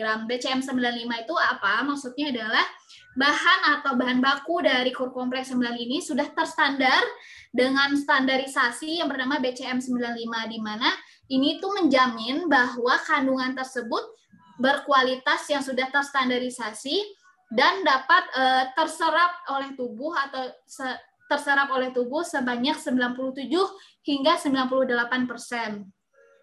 Lalu uh, untuk kurkumin atau kunyit sendiri kita sama-sama udah tahu nih bahwa sudah digunakan secara turun temurun di Indonesia, terutama dari nenek moyang kita. Dan secara penelitian, secara ilmiahnya, jadi kurkumin ini sudah e, dapat mengatasi yang pertama tuh anti kanker, yang kedua anti inflamasi, yang ketiga sebagai antioksidan, yang keempat sebagai anti nyeri dan juga meningkatkan daya tahan tubuh. Nah, ini semua kalau dikombinasikan ini sangat baik dan sangat cocok untuk meningkatkan uh, atau memelihara kesehatan untuk para penderita kanker. Dari uh, kompleks sendiri ini uh, tadi sudah saya, sudah saya bilang bahwa mampu diserap oleh tubuh sebanyak 98% uh, dengan bioavailabilitas atau dia dapat di, tersedia di dalam darah uh, sebanyak 7 sampai 8 kali daripada kurkumin atau daripada kunyit yang secara tradisional uh, ada di pasaran atau misalkan yang bukan BCM 95. Jadi maksudnya adalah misalkan oh oke okay lah Mbak Mbak Priska kan kalau kunyit itu ya saya bisa beli di jamu gitu. Atau saya ya bisa lah saya uh, bikin ramuannya sendiri, saya pakai bikin uh, saya bikin uh, jamuan, saya masak sendiri, itu kan juga kunyit. Nah, bedanya apa dengan produk yang sudah secara khusus nih diformulasi menggunakan standar bahan baku BCM 95 diserap 98%, otomatis efektivitasnya juga akan lebih baik, di mana setara penelitiannya 7 sampai 8 kali lebih tinggi dibandingkan kurkumin atau kunyit-kunyit biasa atau tradisional. Lalu, apa saja efek dari atau manfaat dari kurkumin atau kunyit itu sendiri? Nah, untuk kurkuminate kompleks ini salah satunya dia bisa bertindak sebagai agen antiinflamasi atau anti peradangan. Di mana kalau kita tahu kanker itu kan terjadi karena adanya uh, perkembangan sel yang terlalu cepat dan juga per, pembesaran yang terlalu cepat. Jadi salah satu bentuk sel kanker itu adalah terjadinya peradangan di sel. Nah, dengan adanya kurkumin kompleks ini, dia bisa uh, secara menurunkan regulasi COX2 atau LOX ini adalah salah satu proses nih Bapak-bapak dan Ibu-ibu dari terjadinya uh, peradangan di sebuah sel. Jadi dari kedua agen itu, kedua COX dan LOX ini, nah dihambat jadi otomatis juga dapat menghambat peradangan dari sel itu. Lalu selanjutnya untuk kurkuminoid kompleks ini juga mampu mencegah karsinogenesis atau pembentukan sel kanker dan juga selanjutnya dia bisa membuat sel kanker peka terhadap kemoterapi. Jadi dia bukan cuma sebagai terapi tunggal nih untuk menghambat terjadi uh, perkembangan atau pe, pertumbuhan sel kanker, tetapi dia juga bisa membantu terapi, misalkan ada kemoterapi atau radioterapi, juga membuat sel-sel kanker dapat peka, jadi lebih sensitif dan bisa di uh, lebih cepat untuk di hancurkan atau dihilangkan. Lalu dia juga melindungi sel normal dari kerusakan akibat kemoterapi. Makanya itu tadi dokter Adli juga sebutkan bahwa dari efek samping kemoterapi tadi misalkan ada e, rambut yang rontok, adanya kekurangan HB atau menyebabkan anemia itu kan karena sel kanker itu sendiri kan sifatnya berkembang secara cepat nih Bapak-bapak dan Ibu-ibu. Otomatis dia juga bisa menyerang eh, sel-sel lain dengan proses yang mirip jadi uh, kemoterapi atau radioterapi itu nggak bisa nih pilih-pilih, oh sel mana nih yang oh, sel kanker yang mana itu aja yang dibunuh eh, atau itu aja yang dihabiskan, tetapi juga bisa menimbulkan efek samping ke sel-sel yang lain dengan eh, proses yang sama atau yang mirip.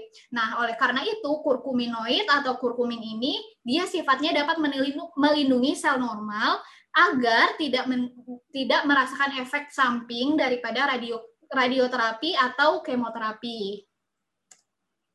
Nah, selanjutnya kurkuminoid kompleks juga mengurangi efek samping kemoterapi atau radioterapi dan menghasilkan peningkatan kualitas hidup pasien sehingga bisa meningkatkan waktu kelangsungan hidup pasien dan menurunkan tingkat penanda tumor. Jadi eh, untuk dosis sendiri tadi juga dokter Adri sudah sebutkan bisa uh, dari penelitian ini dari uh, penelitian ini disebutkan bahwa dosisnya bisa dalam rentang 8 sampai 12 gram per hari.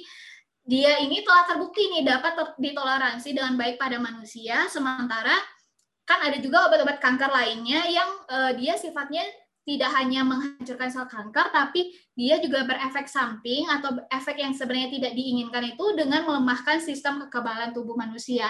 Sedangkan untuk kurkuminoid kompleks ini dia juga ada efek sampingnya untuk meningkatkan dan bertindak sebagai peningkat kekebalan uh, kekebalan tubuh atau sebagai imunomodulator.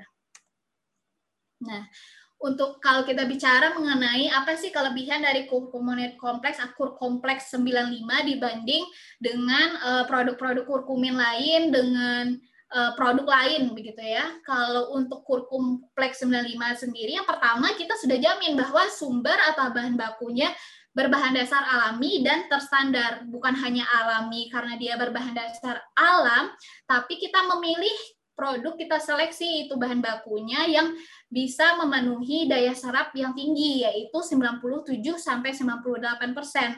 Di mana kalau uh, kurkumin atau kunyit-kunyit lain yang secara konvensional atau tradisional itu kurang lebih daya serapnya sekitar 50 persen. Lalu yang kedua adalah bagaimana proses pembuatannya. Karena kita adalah perusahaan farmasi, otomatis kita dapat menjamin nih bahwa proses produksi dari kur kompleks 95 ini sudah memenuhi standar farmasi. Mulai dari pemilihan bahan, tadi sudah saya sebutkan, dari prosesnya, dari packagingnya, sampai kita bisa e, menyediakan kepada bapak-bapak dan ibu-ibu semuanya itu sudah sesuai dengan standar farmasi. Lalu yang ketiga adalah kandungan alami pastinya Unihealth nggak ada tuh kalau nggak pakai bahan alami. Lalu yang keempat adalah halal. Kita sudah bersertifikat halal, jadi kita sudah bisa menjamin bahwa produk ini halal. Nah, untuk siapa yang perlu mengkonsumsi kur kompleks 95, Yang pertama adalah untuk orang-orang yang uh, ingin melakukan pencegahan. Tadi dari upaya kesehatan Dokter Adli kan pertama promotif, lalu yang ketiga preventif, eh yang kedua preventif atau pencegahan. Untuk pencegahan ini mungkin ada bapak-bapak dan ibu-ibu masuk ke kelompok yang beresiko tinggi. Misalkan ada riwayat keluarganya pernah terkena kanker atau mungkin misalkan sebelumnya pernah terkena kanker dan sudah mendapatkan kemoterapi. Nah, itu kan masuk ke dalam salah satu orang-orang yang beresiko tinggi untuk uh, menderita kanker, terutama kanker payudara, seperti bahasan kita hari ini. Nah, bisa nih dikonsumsi untuk satu kaplet sehari sesudah makan untuk bapak-bapak dan ibu-ibu yang ingin mencegah dan melindungi dari resiko kanker. Lalu yang kedua adalah orang yang sudah uh, menjadi pasien kanker atau sudah uh, ingin melakukan terapi pendamping untuk pasien kanker. Nah, ini bisa dikonsumsi tiga kali sehari satu kaplet dengan maksimal tiga kali eh, tiga kaplet dalam satu hari. Oke, lanjut nih Bapak-Bapak dan Ibu untuk penyakit kedua yang tadi saya sudah sebutkan bahwa yang pertama itu ada penyakit kanker payudara dekat dengan wanita. Lalu yang kedua ada infeksi saluran kemih. Nah, pertama kita harus tahu nih apa sih penyebab dari infeksi saluran kemih. Jadi infeksi saluran kemih itu karena adanya penumpukan bakteri nih. Bakterinya namanya E. coli yang menempel di daerah kewanitaan. Mulai dari kewanitaan nanti lanjut ke saluran kemih sampai ke kandung kemih. Nah, apa saja yang bisa menyebabkan dari uh, masuknya bakteri ini? Yang pertama itu bisa karena menggunakan toilet secara enggak higienis, tidak bersih.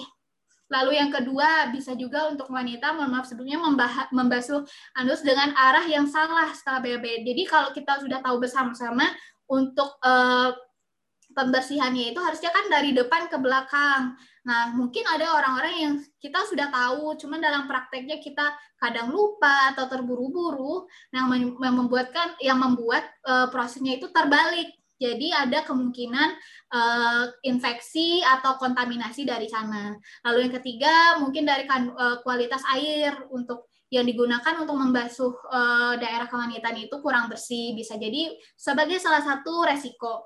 Lalu yang keempat adalah sering menahan buang air kecil. Kenapa sering menahan buang air kecil ini juga bisa menyebabkan uh, resiko terkenanya infeksi? Adalah karena bakteri-bakteri uh, yang sudah masuk itu jadi bisa lebih lama dia berkembang dan juga membentuk koloni atau berkembang sehingga karena nggak ada buang air air yang sudah ada di kandung kambing itu tidak dibuang-buang. Jadi si bakterinya itu dapat berkembang secara terus menerus jadi akhirnya bisa menimbulkan infeksi Lalu bagaimana nih kita untuk menangani anyang-anyangan atau infeksi saluran kemih salah satunya.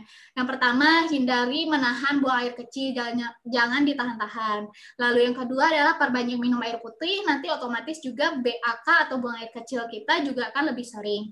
Lalu kalau memang kurang nyaman di bagian perut, bisa dikompres secara hangat sekitar 15 sampai 30 menit. Lalu perhatikan juga makanan dan minuman. Lalu yang kelima adalah dan yang terpenting adalah konsumsi zat-zat yang uh, salah satunya dengan kandungan cranberry.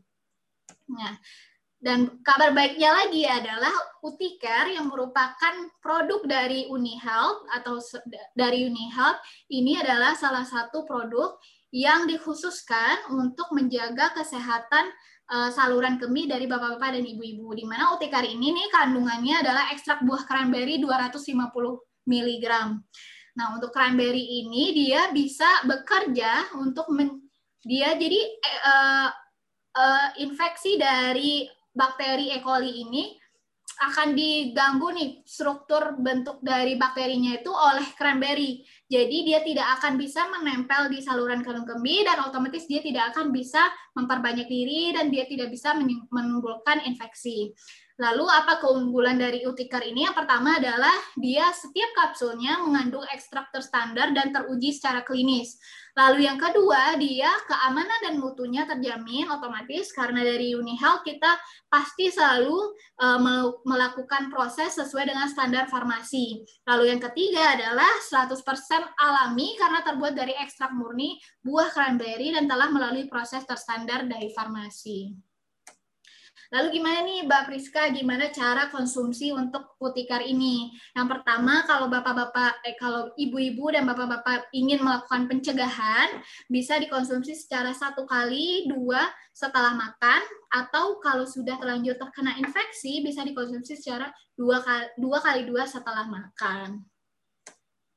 Oke. Nah,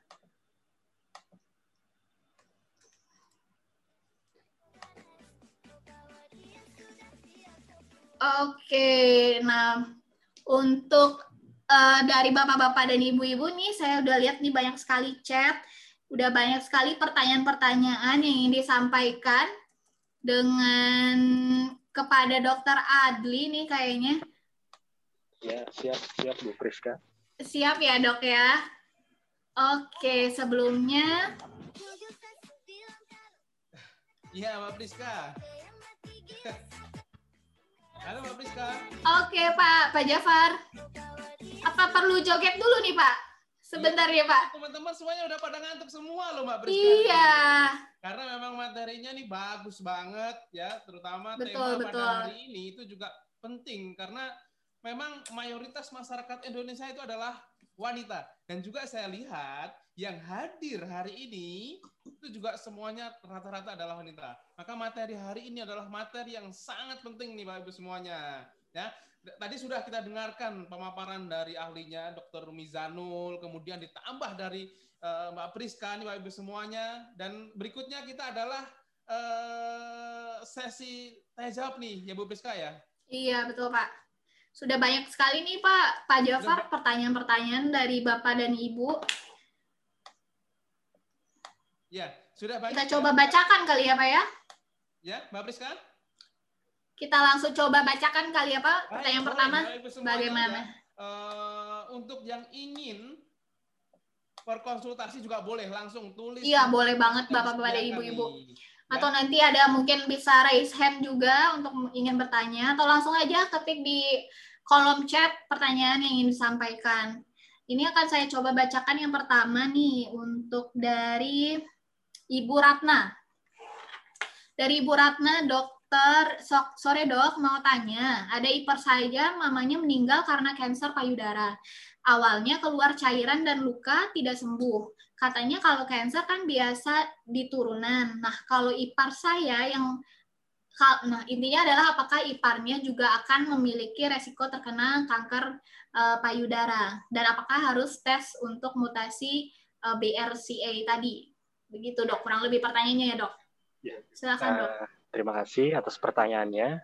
Jadi sebetulnya yang dimaksud dengan uh, hubungan keluarga itu hubungan sedarah. Jadi ada ada darahnya. Kalau ipar, saya nggak tahu iparnya ipar dekat apa ipar jauh.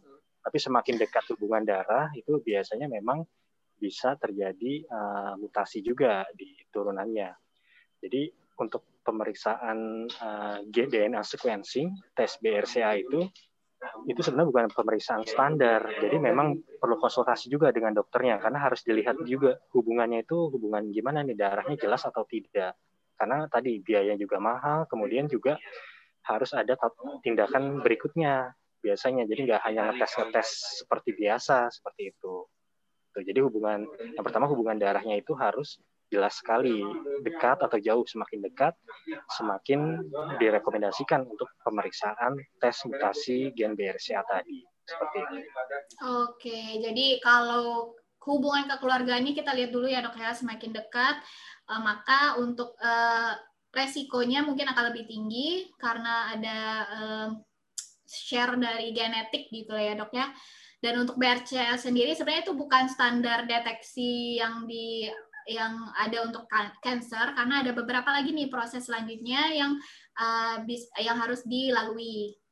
Oke, untuk selanjutnya nih dok, ada pertanyaan sore dok, wanita yang sudah sakit kanker lalu pulih kembali, apakah ada bisa kambuh kembali atau enggak sih dok untuk kankernya tersebut? Ya, uh, terima kasih pertanyaannya. Jadi sebetulnya kanker itu kan bisa terkena pada orang yang sehat ya. Jadi orang yang sehat aja bisa kena kanker. Jadi apalagi kalau sudah ada riwayat kanker. Jadi kalau ada riwayat kanker, dia bisa beresiko timbul kanker di kemudian hari. Dan tadi sudah di slide saya itu ada faktor resiko. Faktor resikonya adalah riwayat kanker sebelumnya. Jadi memang bisa bisa kambuh. Jadi yang sudah sembuh hmm. bisa aja kambuh di kemudian hari, terutama pada orang-orang yang memang tadi pola hidupnya jadi tidak sehat lagi seperti itu. Oke, baik. Berarti uh, baik Bu, berarti untuk yang sudah pernah kanker itu ada kemungkinan untuk uh, dapat um, menderita kanker lagi. Nah, untuk ini berarti dia termasuk ke dalam kelompok orang yang berisiko tinggi nih, Ibu. Mungkin bisa dimulai juga untuk dilakukan pencegahan. Salah satunya yang menggunakan kur kompleks 95 yang ada kandungan kurkumin, lalu bisa digunakan untuk satu kali sehari setelah makan untuk terapi pencegahan. Apalagi untuk orang-orang yang sudah termasuk ke dalam kelompok beresiko tinggi. Seperti itu. Lalu kita lanjut ya dok ya untuk pertanyaan selanjutnya. Ini banyak sekali nih dok pertanyaan dari uh, uh, selamat sore dok. Saya Ibu Agus Suparmiati dari Surabaya, umur 57 tahun dok.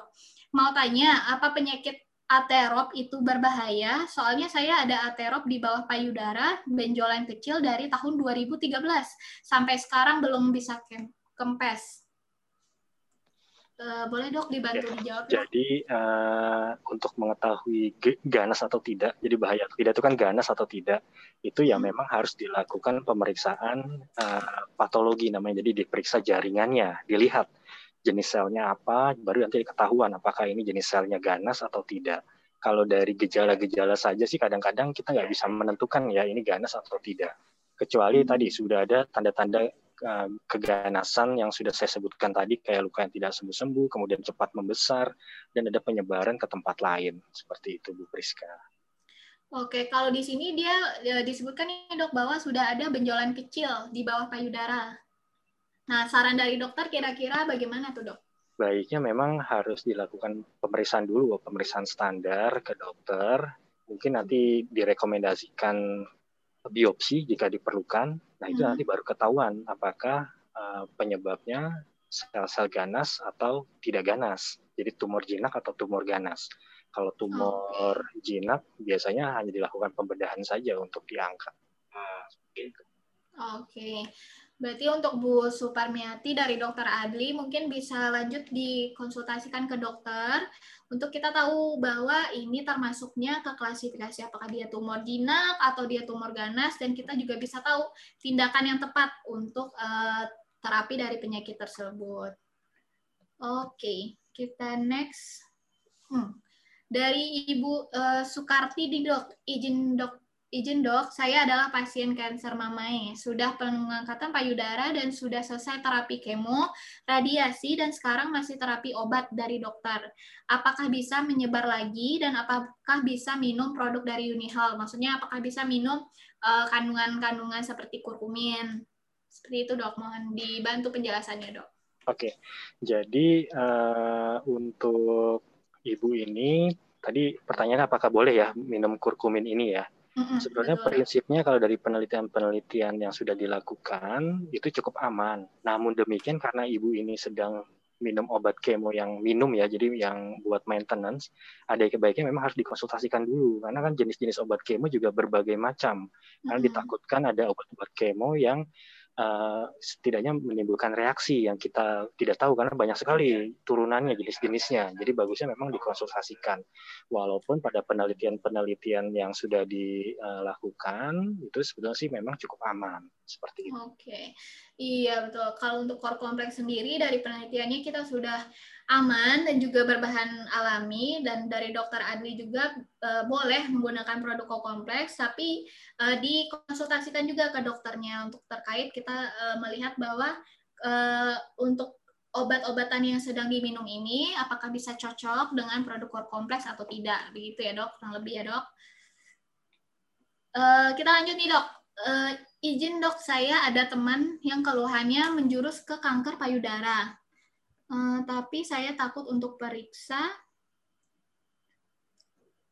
Aduh, nggak ada lanjutannya nih.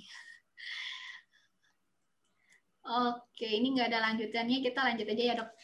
Eh, dari Ibu Neti dok. Assalamualaikum dokter, mau tanya dok. Seorang anak laki-laki baru enam tahun, tiba-tiba kurang dari satu bulan dengan hitungan hari, timbul benjolan di atas payudara dekat ketiak.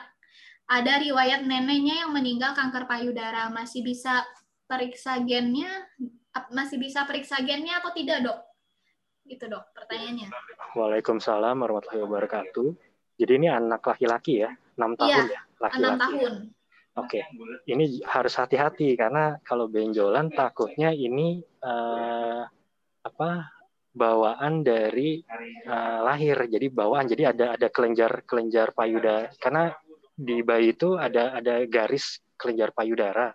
Kadang-kadang masih ada sisanya. Nah itu harus diperiksa sih, harus diperiksa. Kadang-kadang sih kalau saya pikir ini bukan menjurus ke tumor atau kanker, tapi takutnya ada jaringan sisa uh, jaringan payudara yang belum hilang harusnya hilang memang hmm. tapi itu sih sebetulnya kalau seperti itu aja sih tidak tidak masalah mungkin hanya masalah estetika saja oh, tapi baiknya harus coba diperiksa dulu diperiksa itu takutnya itu jaringan payudara yang masih ada yang harusnya hilang memang jadi pada laki-laki harusnya tinggal dua aja uh, apa kanan dan kiri tapi kadang-kadang masih ada sisa tambahan di sepanjang garis uh, tadi apa kelenjar payudara kelenjar tadi. payudara tadi ya dok. Ya. Oke Bu Neti kalau dari dokter Adli uh, ada dua kemungkinan karena ini adalah anak laki-laki berusia enam tahun bisa jadi itu karena uh, kelenjar payudaranya belum uh, belum sepenuhnya hilang. Yang sebet yang normalnya harusnya sudah hilang dan sebenarnya itu tidak berbahaya. Lalu ada juga mungkin kemungkinan untuk tadi menjurus ke kanker payudara tadi mungkin juga ada kemungkinannya. Jadi solusi atau saran dari dokter Adli adalah sebaiknya juga dikonsultasikan dulu ke dokter untuk mengetahui pastinya untuk uh, kondisi atau keadaan dari uh, anak tersebut. Begitu ya Bu kurang lebih semoga terjawab kita lanjut ya dok ya Oke. Oh, ini dok, ini uh, dari Budian. Kalau Budian ini mungkin agak bukan di luar kanker payudara pertanyaannya, tapi mengenai infeksi saluran kemih. Uh, beliau bertanya, makanan apa saja sih dok yang bisa untuk mencegah infeksi saluran kemih? Mungkin ada beberapa rekomendasi dari dokter Adli. Terima kasih pertanyaannya Ibu Dian. Jadi sebenarnya infeksi saluran kemih itu resikonya pada orang-orang yang jarang minum, jarang minum air putih. Jadi memang lebih ke arah itu. Kalau untuk makanan tidak ada yang spesifik. Jadi memang untuk pencegahan harus banyak-banyak minum air putih. Nah, itu untuk pencegahan infeksi saluran kencing. Dan sebisa mungkin harus dilakukan uh, pembersihan yang optimal di area uh, tadi area uh, untuk uh, buang air kecil tadi. Jadi harus bersih area situ.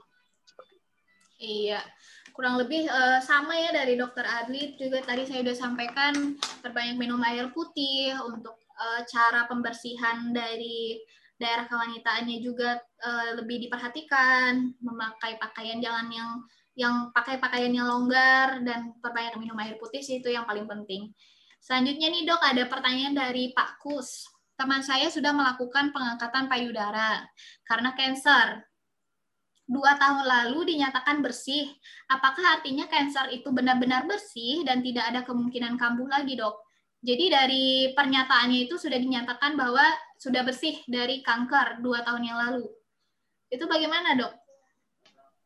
Uh, sebetulnya memang kriteria bersih itu ada ininya ya, ada ada perhitungannya lagi ya. Jadi memang kita tidak bisa menjamin 100% karena kadang-kadang ada sel-sel kanker juga yang istilahnya mengumpet karena kan kalau kanker itu yang kita takutkan tadi penyebaran jauhnya ya.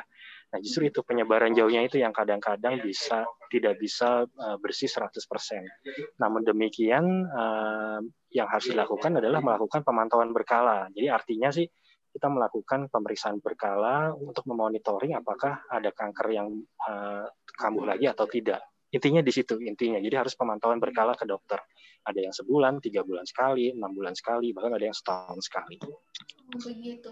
Kalau boleh tahu nih dok, untuk dari rekom idealnya pemantauan berkala itu dalam periode berapa lama itu dok? Sebulan kah, dua bulan atau berapa lama? Biasanya dari di, di apa disebutkan dia bersih atau remisi ya, bahasanya kita remisi, remisi kanker itu biasanya sebulan dulu, nanti sebulan, sebulan bagus, tiga dua bulan, dua bulan sekali.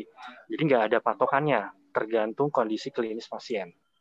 Tapi intinya pada awal-awal itu setiap sering dulu, nanti lama-lama jarang, jarang dan jarang seperti itu. Oke, begitu Pak Kus. Jadi kalau dari Dokter Adli, ada baiknya dilakukan pemantauan berkala. Mungkin di awalnya akan uh, rutin, lebih intens, mungkin satu bulan sekali, satu bulan sekali, nanti akan berjeda. Lalu tadi Pak Kus juga menanyakan ini masuk di kur kompleks 95-nya ke terapi pencegahan atau pendamping. Jadi nanti secara dari hasil kita rutin pengecekan itu juga bisa terlihat ini masuknya akan di pencegahan atau pendamping untuk pencegahan itu bisa mungkin uh, Pak Kus uh, konsumsi satu kali satu kapet setelah makan. Gitu. Semoga terjawab untuk Pak Kus. Oke, boleh saya. Lanjut nih dok, uh, dari Bu Sri ya dok ya. Assalamualaikum dok, Waalaikumsalam. Ada ibu usia 65 tahun, kanker meme sudah operasi dan sudah kemo enam kali dan sinar dan tangannya sebelah kanan bengkak semua dok. Sebesar paha dewasa bengkaknya. Dan kata dokter sudah kena mamae yang sebelahnya lagi dan sudah kena tulang kata kata dokternya. Tidak apa sebentar, sebentar. Apa solusinya yang harus dilakukan dok? Karena sekarang si ibu terbaring di rumah. Apakah bisa dikasih produk uh, kur kompleks, magozai dan grafika? Maksudnya apakah bisa dibantu uh, juga dengan uh, kurkumin tadi dan antioksidan-antioksidan yang lain nih dok? Silakan dok. Ya, jadi kalau saya lihat ini kondisinya mungkin stadiumnya sudah stadium lanjut ya, kondisi kankernya ya. Nah, biasanya kalau stadium lanjut tadi uh, sudah masuk ke paliatif. Jadi paliatif itu tujuannya tadi untuk mengurangi penderitaan. Nah, ini biasanya memang ada layanan-layanan paliatif uh, di beberapa rumah sakit. Layanan paliatif salah satunya home care, jadi pendampingan ke rumah.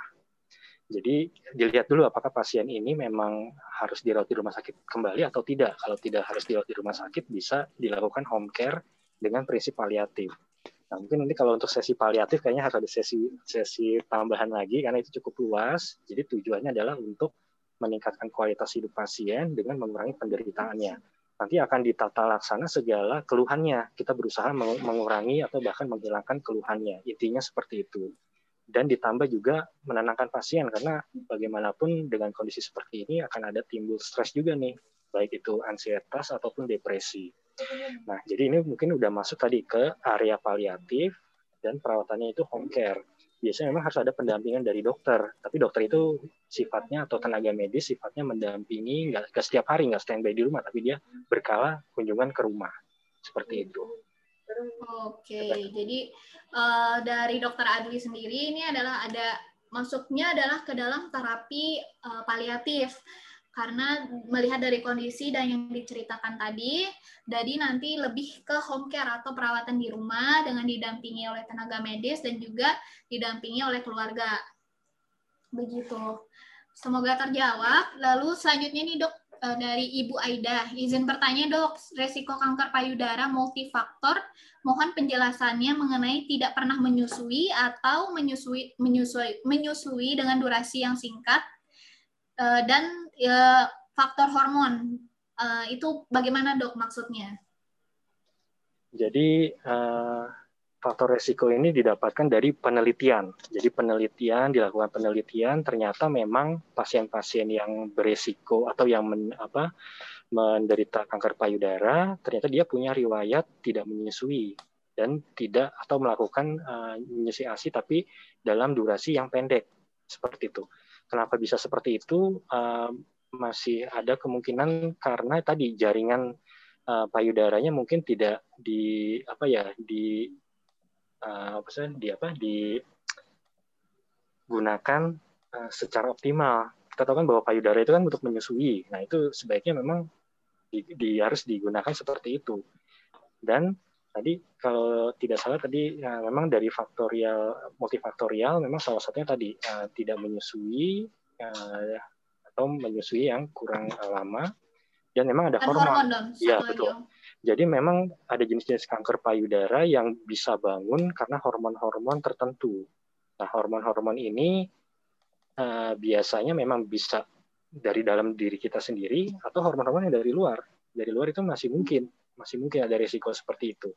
tapi ini adalah resiko. Jadi perhitungan ada ada presentasinya. Nggak nggak harus timbul nggak harus nggak timbul. Nggak nggak seperti itu. Tapi presentasi. Jadi biasanya ya tadi kalau misalnya tidak menyusui resikonya lebih tinggi. Resiko artinya bisa terjadi bisa enggak tapi kemungkinan terjadinya lebih tinggi seperti itu. Jadi itu mohon dipahami lebih benar lebih baik apa lebih ini lagi lebih bijaksana lagi. Jadi artinya bukan misalnya tidak menyusui pasti akan kanker payudara tidak seperti itu karena kita bicaranya resiko presentasi presentase sorry presentase Oke, berarti kalau eh, misalkan ada uh, masyarakat atau orang yang menyusui, tidak menyusui atau menyusui secara tingkat dan ada beberapa gangguan daya hormon bisa meningkatkan resiko terjadinya kanker payudara itu sendiri. Uh, kurang lebihnya seperti itu. Uh, kita lanjut ya dok ya, karena pertanyaannya banyak sekali, sangat aktif ini uh, peserta dari keluarga UniHealth dari Ibu Juliana nih dok, sekarang pertanyaannya mohon izin. Uh, oh bukan. Oh assalamualaikum, dokter izin pertanyaan. Uh, apakah kansernya bisa menyebar lagi ke organ lain dan apakah ada resiko bisa menurun ke anak karena kanker? Jadi ini uh, pertanyaan ini kan sebelumnya Ibu Soekarti ini sudah pernah terkena kanker dan apakah bisa menyegar ke organ yang lain? dan apa bisa diturunkan ke anak beliau, dok?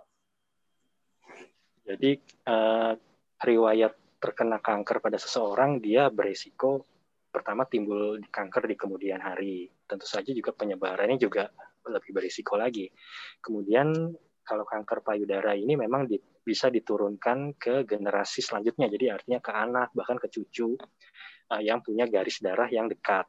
Dan biasanya memang uh, pada perempuan seperti itu. Tapi hmm. gen ini bisa juga terbawa di anak laki-laki dan timbulnya justru di cucunya, di cucu perempuan itu bisa seperti itu. Ada pasien yang seperti itu. Hmm. Jadi uh, neneknya yang kena kanker payudara, bukan ibunya. Ternyata itu dari garis ayahnya. Jadi ayahnya membawa genetik tersebut, kemudian uh, timbul di cucunya. Tapi perlu diketahui juga genetik ini hanya potensi, hanya resiko. Dia bisa bangun, bisa juga nggak bangun. Seperti itu tapi ada kemungkinan besar bisa timbul karena dari penelitian yang sudah membuktikan tadi. Jadi bisa diturunkan gennya ya, gennya ya. Uh, Kalau gen berarti bicara lagi resikonya. Jadi nggak nggak serta merta ibu apa orang tuanya kanker payudara, anaknya akan kanker payudara tidak juga sedemikian seperti itu. Oke, berarti kalau untuk genetik itu sendiri, Bu Ibu uh, siapa tadi yang bertanya, itu adalah termasuk ke dalam faktor resiko yang dapat meningkatkan kanker payudara tadi. Nah, sama kayak tadi yang juga dia menyusuinya menyusuinya secara singkat atau ada gangguan di hormon. Nah, itu tuh termasuk ke dalam resiko-resiko yang mungkin kalau sebanyak semakin banyak nih kali ya Dok yang di checklist itu resikonya berarti dia akan meningkatkan potensi untuk terkena si kanker payudara tadi tersebut. Ya, ya kurang lebih seperti, seperti ya, Bu. Ya, betul. Oke. Nih dok, ada lagi nih dok. Dari Ibu Sri Kurniati. Assalamualaikum dok. Saya mau nanya, usia saya 40 tahun, sering nyeri di payudara, dan diraba di sekitar payudara tidak ada benjolan. Karena apa itu ya dok, sering nyeri di payudara? Terima kasih dok. Jadi dia nyeri nih dok di payudara, tapi kalau dilihat dari gejalanya, dia tidak ada benjolan nih dok. Ya, ya jadi memang kalau berkaitan untuk deteksi dini kanker, Eh, sebaiknya memang kalau mau lebih jelas dilakukan tadi mamografi dan USG. Karena kalau kita mengandalkan pemeriksaan sadari, kadang-kadang uh, lesi atau uh, kelainan yang lebih dalam itu tidak teraba kadang-kadang. Jadi memang sebaiknya untuk menyingkirkan, untuk supaya kita juga lebih ibunya lebih tenang, coba dilakukan USG dan mamografi tadi, karena itu akan lebih akurat seperti itu. Nah, untuk nyerinya sendiri kadang-kadang nggak harus dari kanker ya, bisa dari yang lain, bisa dari peradangan atau infeksi di area payudara seperti itu. Oke. Uh, jadi kalau untuk uh, misalkan keluhannya ada nyeri di bagian payudara, kita ada baiknya lebih di cross check lagi nih, Ibu. Untuk uh, baiknya dikonsultasikan apakah ini karena kanker payudara atau karena penyebab yang lain seperti itu. Terima kasih dok, katanya dok. Uh, ini dari uh, Ibu Neti, dok. Ibu Neti Nasir, tanya lagi dok, apa benar resiko terkena uh, kanker untuk wanita yang kondisi puting mamainya ke dalam atau tidak menonjol keluar uh, lebih tinggi mungkin maksudnya? Dan bagaimana penanganannya dok? Uh, untuk penelitiannya saya belum menemukan ya uh, kondisi puting mame yang ketarik ke dalam. Tetapi kondisi puting mame yang tertarik ke dalam jangan-jangan itu suatu gejala, suatu gejala awal dari kanker payudara karena dia bisa menarik puting ke dalam. Tetapi pada kondisi normal kadang-kadang ada wanita yang memang putingnya ke dalam. Nah, apakah ini dihubungkan juga dengan jadinya dia sulit menyusui jadi tidak menyusui, jadi dia meningkatkan resiko, ya itu mungkin nanti perlu kita cari tahu lagi. Tapi setahu saya uh, tidak ada itu belum belum saya belum menemukan uh, resiko puting ke dalam dengan uh, kanker payudara.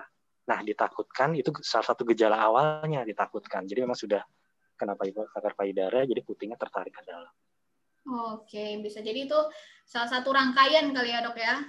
Uh, mungkin karena memang mungkin karena memang uh, terjadi akibat adanya kanker payudara atau penyebab yang lainnya juga. Jadi ada baiknya untuk uh, ibu bisa konsultasikan lagi ke dokter, dicek di screening seperti itu. Lanjut nih dok, e, dari Putri Indah, izin bertanya dok, apakah wajar kalau mendekati masa haid, nyeri pada payudara sering terjadi, tetapi setelah itu tidak timbul lagi? Mohon dibantu dok. Ya, terima kasih pertanyaannya. Itu wajar karena berkaitan dengan hormon. Jadi berkaitan dengan siklus hormon. Jadi saat menstruasi ada beberapa hormon yang meningkat yang tidak saja dia uh, mempengaruhi uh, leher rahim dan uh, rahim, tapi juga mempengaruhi payudara juga. Dan itu cukup wajar sih. Oke, kalau untuk uh, Ibu Putri uh, wajar dok, eh wajar kalau kata da dari Dokter Adli untuk ada rasa nyeri sebelum masa haid untuk di bagian payudara nanti kalau sudah selesai masa haidnya sudah tidak timbul lagi itu memang uh, fase normalnya seperti itu begitu ya dok ya kurang lebih oke ini sepertinya udah uh, habis nih dok pertanyaan-pertanyaan dan satu lagi nih ada dari ibu Masyita saya mau share sedikit mengenai uh, journey atau pengalaman beliau nah untuk uh, sebelum kita mendengarkan dari ibu Masyita mungkin uh, untuk pertanyaannya karena udah habis. Uh, Pak Jafar,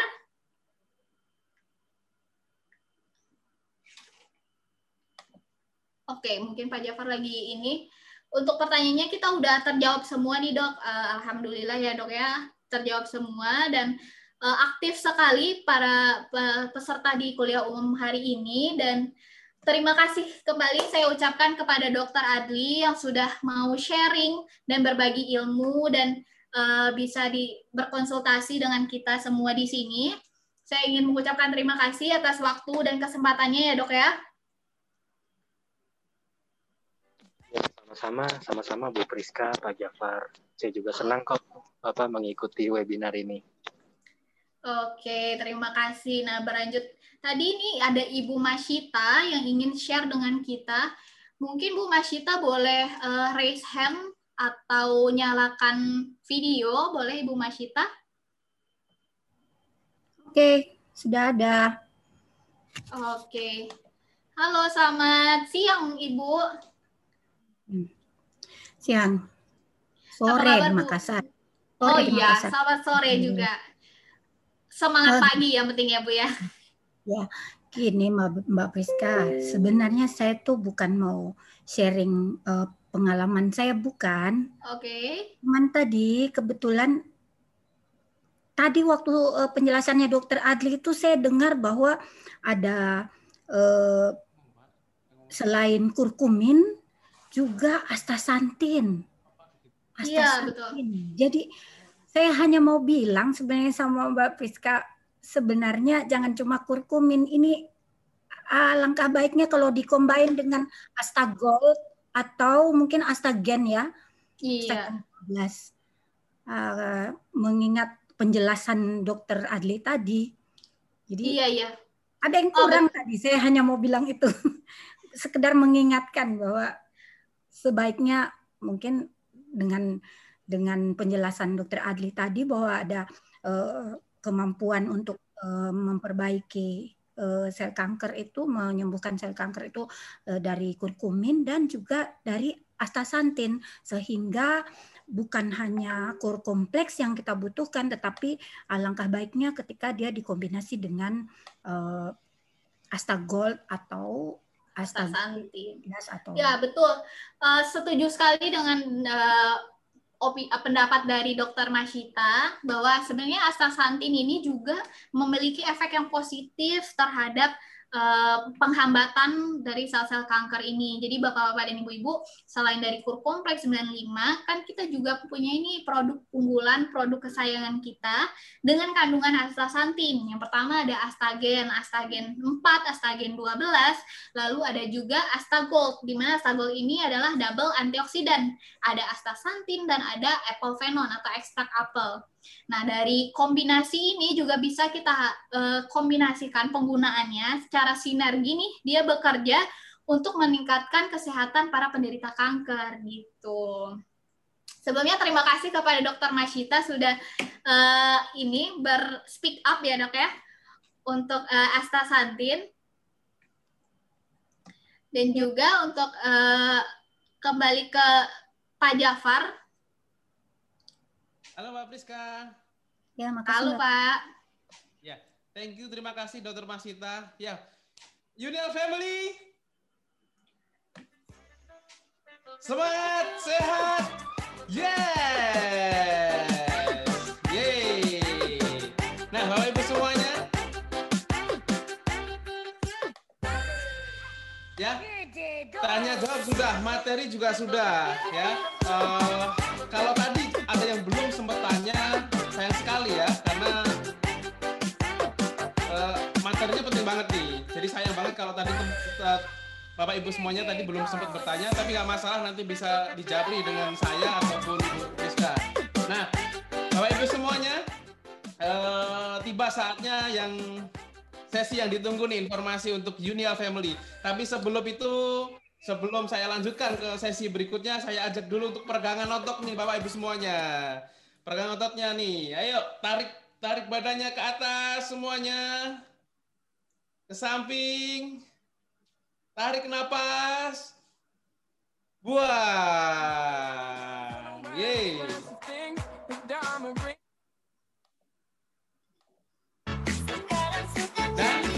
Sebelum sebelum kita mulai lagi pemanasan Tarik ses. Joget tangan di atas. Mantap.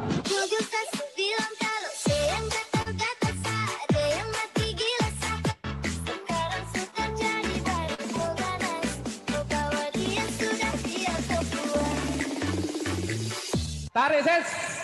Semangka. Semangka. Mantap.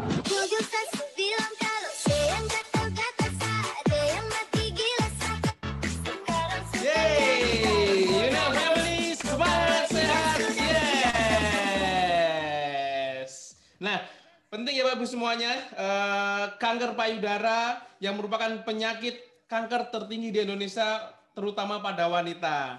Ya, apa saja yang bisa dilakukan untuk menyelamatkan wanita Indonesia dari hal ini adalah yang pertama, pola hidup sehat, yang kedua pencegahan, apalagi kita sudah termasuk ke kelompok berisiko tinggi nih Bapak Ibu semuanya ya.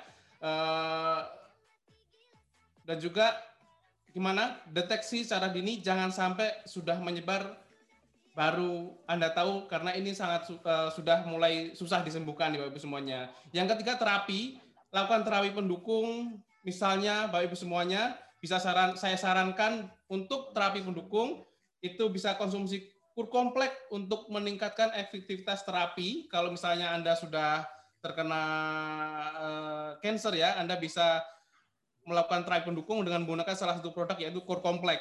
Ini berfungsi untuk meningkatkan efektivitas terapi dan juga menurunkan efek samping dari kemoterapi atau radiologi. Misalnya Bapak Ibu semuanya sudah melakukan uh, proses terapinya sehingga Bapak Ibu semuanya kalau dilakukan bisa meningkatkan kualitas hidup pasien cancer.